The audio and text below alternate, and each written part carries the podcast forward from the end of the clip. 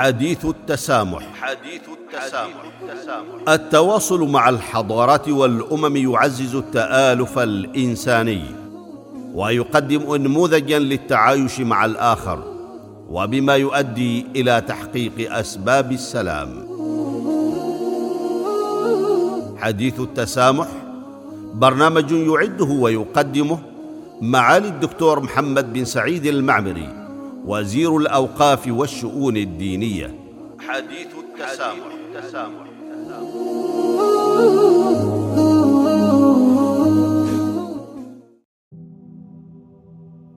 بسم الله الرحمن الرحيم. الحمد لله والصلاة والسلام على رسول الله وعلى آله وأصحابه أجمعين.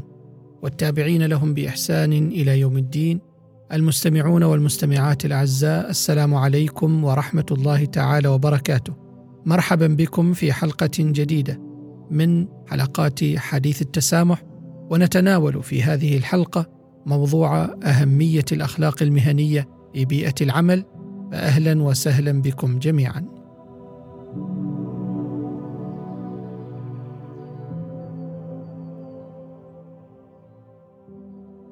أعزائي المستمعين والمستمعات تطرقنا في حلقات سابقة من هذا البرنامج إلى مفهوم العلاقات الإنسانية في الإسلام. وكيف أن هذا الدين أسس لمفهوم العلاقات الإنسانية بمبادئ وقيم راسخة تبدأ بالفرد لتنطلق نحو المجتمع والعلاقات مع العالم أوسعه. وعند الحديث عن القيم الإنسانية المشتركة تلك القيم التي تنبع من صميم فطرة الإنسان وهي قيم أساسية متأصلة في حقيقة الإنسان وفهمه لوجوده في هذه الحياة نجدها قيما قد دعا إليها الإسلام ونظمها ليعود للإنسان على التواصل والتفاعل مع الآخر عليه بالنفع والخير.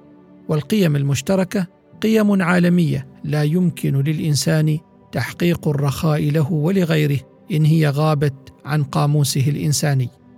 ومن أهم هذه القيم الإنسانية المشتركة السلوك الحسن والسلام والصدق والتعايش السلمي وغيرها حيث إن كل قيمة من هذه القيم ممكن أن تشمل على العديد من العناصر المرتبطة بها.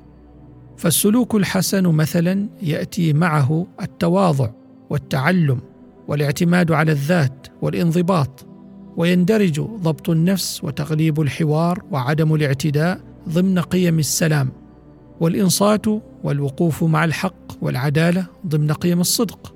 وأما التعايش السلمي فيشمل قيم التسامح والإحسان والرحمة والأخوة واحترام الآخر وغيرها.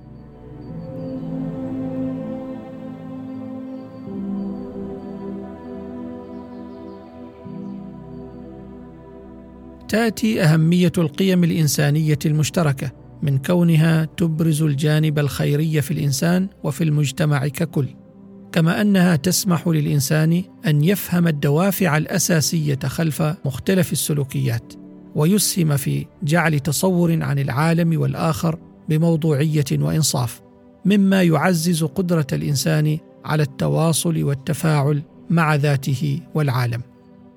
في ضوء ذلك فإن أبرز مجالات التواصل بين الإنسان وأخيه الإنسان تأتي في محيط العمل حيث يقضي الإنسان ساعات من يومه ضمن مجموعة يتفاعل معها باختلافاتهم لتحقيق المصالح العامة والمشتركة.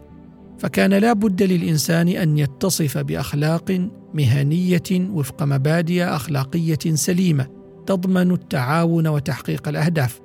وتأتي الحاجة إلى تعزيز المنظومة الأخلاقية المهنية من منطلق الحاجة إلى تحقيق التعاون بين الأفراد لتعزيز الإنتاج وتحسين الأداء. تعرف الأخلاق المهنية بأنها الصفات السلوكية الحسنة المطلوب تحلية النفس بها في مجال العمل المهني المشروع بعد تخليتها من الصفات السلوكية السيئة. وفي تعريفات أخرى فإن الأخلاق المهنية هي مجموعة من القواعد والآداب السلوكية والأخلاقية التي يجب أن تصاحب الإنسان المحترف في مهنته تجاه عمله وتجاه المجتمع ككل وتجاه نفسه وذاته حيث يعرف البعض السلوكيات والآداب وهي المعروفة باللغة الإنجليزية ethics بصفة عامة بأنها عبارة عن تفكير منهجي يتعلق بالتبعات الأخلاقية للقرارات التي يتم اتخاذها. ويمكن وضع هذه التبعات في إطار حدوث ضرر أو أذى معين لمن يتعلق بهم هذه القرارات. ويعرفها الآخرون بأنها معايير قياسية للسلوك الأخلاقي أي السلوك المقبول من المجتمع في إطار الصواب مقابل الخطأ. أما توضيح المقصود بسلوكيات أو آداب المهنة تحديدا فيقتضي تفهم أن العمل المهني له مفهوم أوسع كثيرا من مفهوم الأداء الوظيفي فهو أي العمل المهني يتطلب قيام الإنسان بأداء التزامات معينة تجاه عدة أطراف وليس فقط استيفاء الحد الأدنى الموكل إليه من أعمال من قبل رؤسائه. يقوم بهذا بشكل آلي ثم يذهب إلى منزله في نهاية اليوم ويأخذ أجره المستحق في نهاية الشهر. إن هذا الأداء على الرغم من أهمية القيام به على الوجه الأكمل وبأفضل صورة ممكنة في إطار الحصيلة العلمية التي اكتسبها الفرد أثناء سنوات دراسته وكذلك الخبرة العملية التي تتراكم لديه مع تقدم الزمن يمكن أن يدخل في إطار العمل الحرفي أو الوظيفي. ولكن إذا اعتبر الإنسان أن ملكاته تنحصر في هذه القدرات الفنية وحسب فإن ذلك يعد نقصا في فهم المنظومة العملية في إنسانية الإنسان. أخلاقيات المهنة هي فئة فرعية من منظومة الأخلاق بصفة عامة. والممارس لمهنة معينة يواجه أنواعا خاصة من المشكلات ذات الطبيعة الأخلاقية.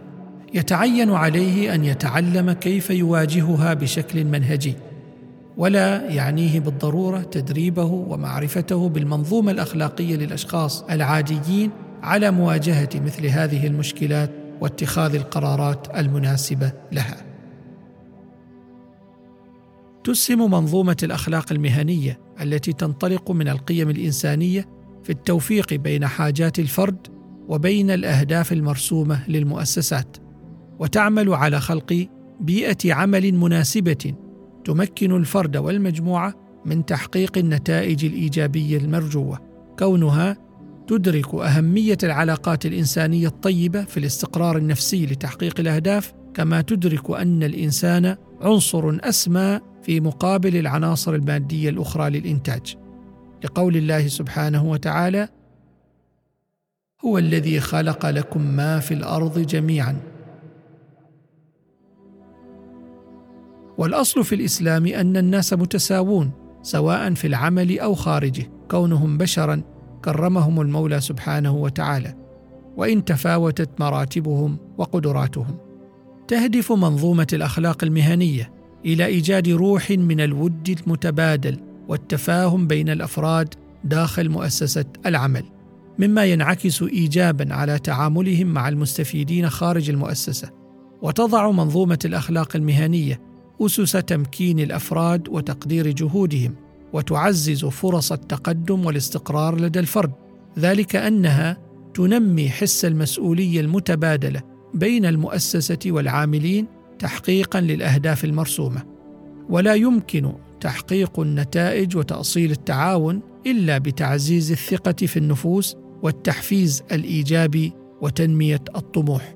وهذا يتحقق بتحلي الأفراد كلهم بالأخلاق المهنية النابعة من القيم الإنسانية المثلى. تكمن أهمية القيم الأخلاقية في بيئة العمل فيما يلي. اولا إن التزام الفرد بأخلاقيات العمل في بيئة عمله يعطيه فرصة رائعة لتعزيز علاقته بمن حوله من الموظفين حيث إن الأخلاق الحميدة عنوان لصاحبها في العمل والحياة بشكل عام. والتحلي بأخلاقيات العمل يعطي الناس فرصة للترابط والإخاء فيما بينهم. ثانيا أن تحلي الفرد بأخلاقيات العمل يساعده على تخطي الأزمات بل ويجنبه الكثير من الأزمات في العمل. فعندما تتحلى بالمصداقية والدقة في أداء عملك ستجد أنه من المستحيل الوقوع في أزمات من أي نوع لأنك تتبع النظام الدقيق في عملك ايا كان. وحتى في حالة الوقوع في مشكلة ما فإنها سريعا ما تحل إذا تم اتباع القواعد السليمة في حلها.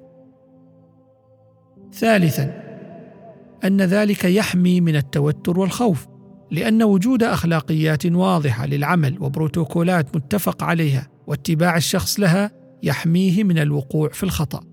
وبالتالي فلا يخشى شيئا ولا يشعر بالتوتر والخوف طوال الوقت.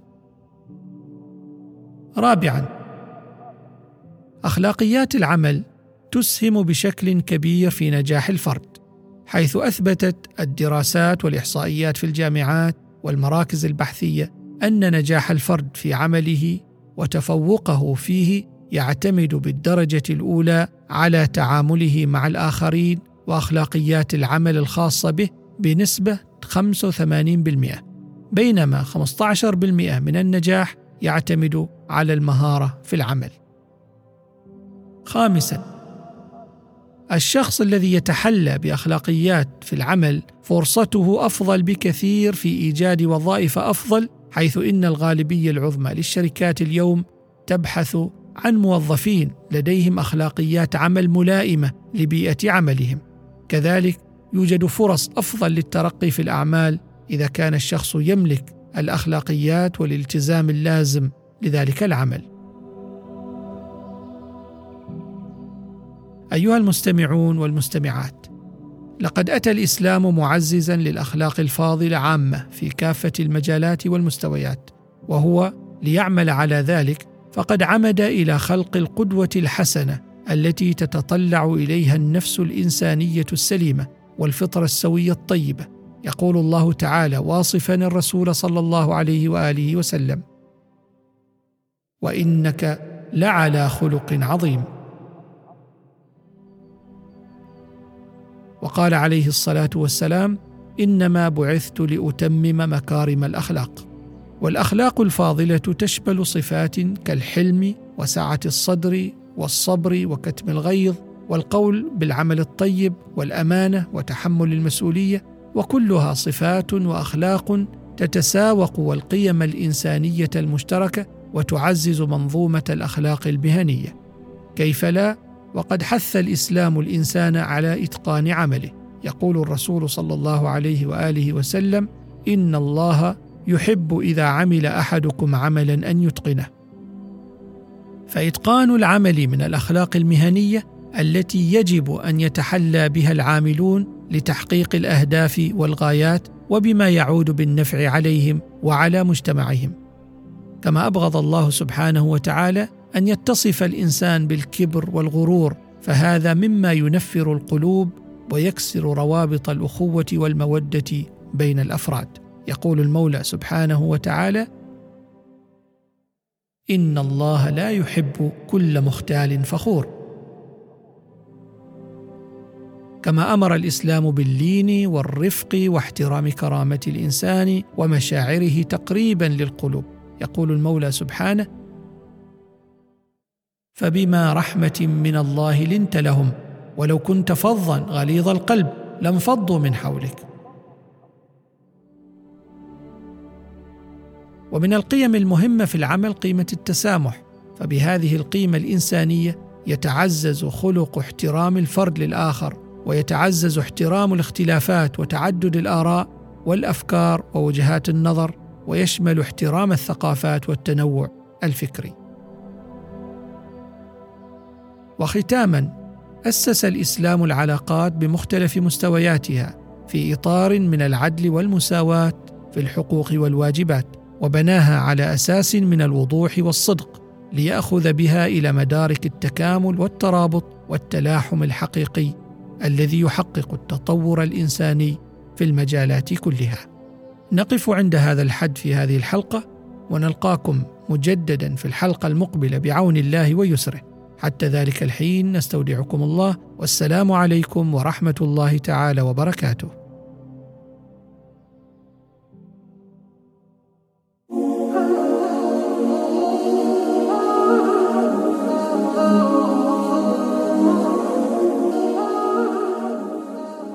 حديث التسامح. حديث التسامح.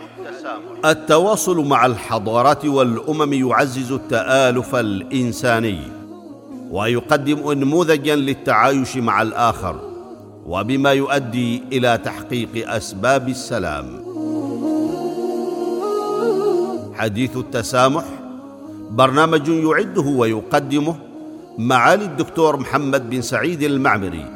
وزير الأوقاف والشؤون الدينية حديث التسامح, التسامح.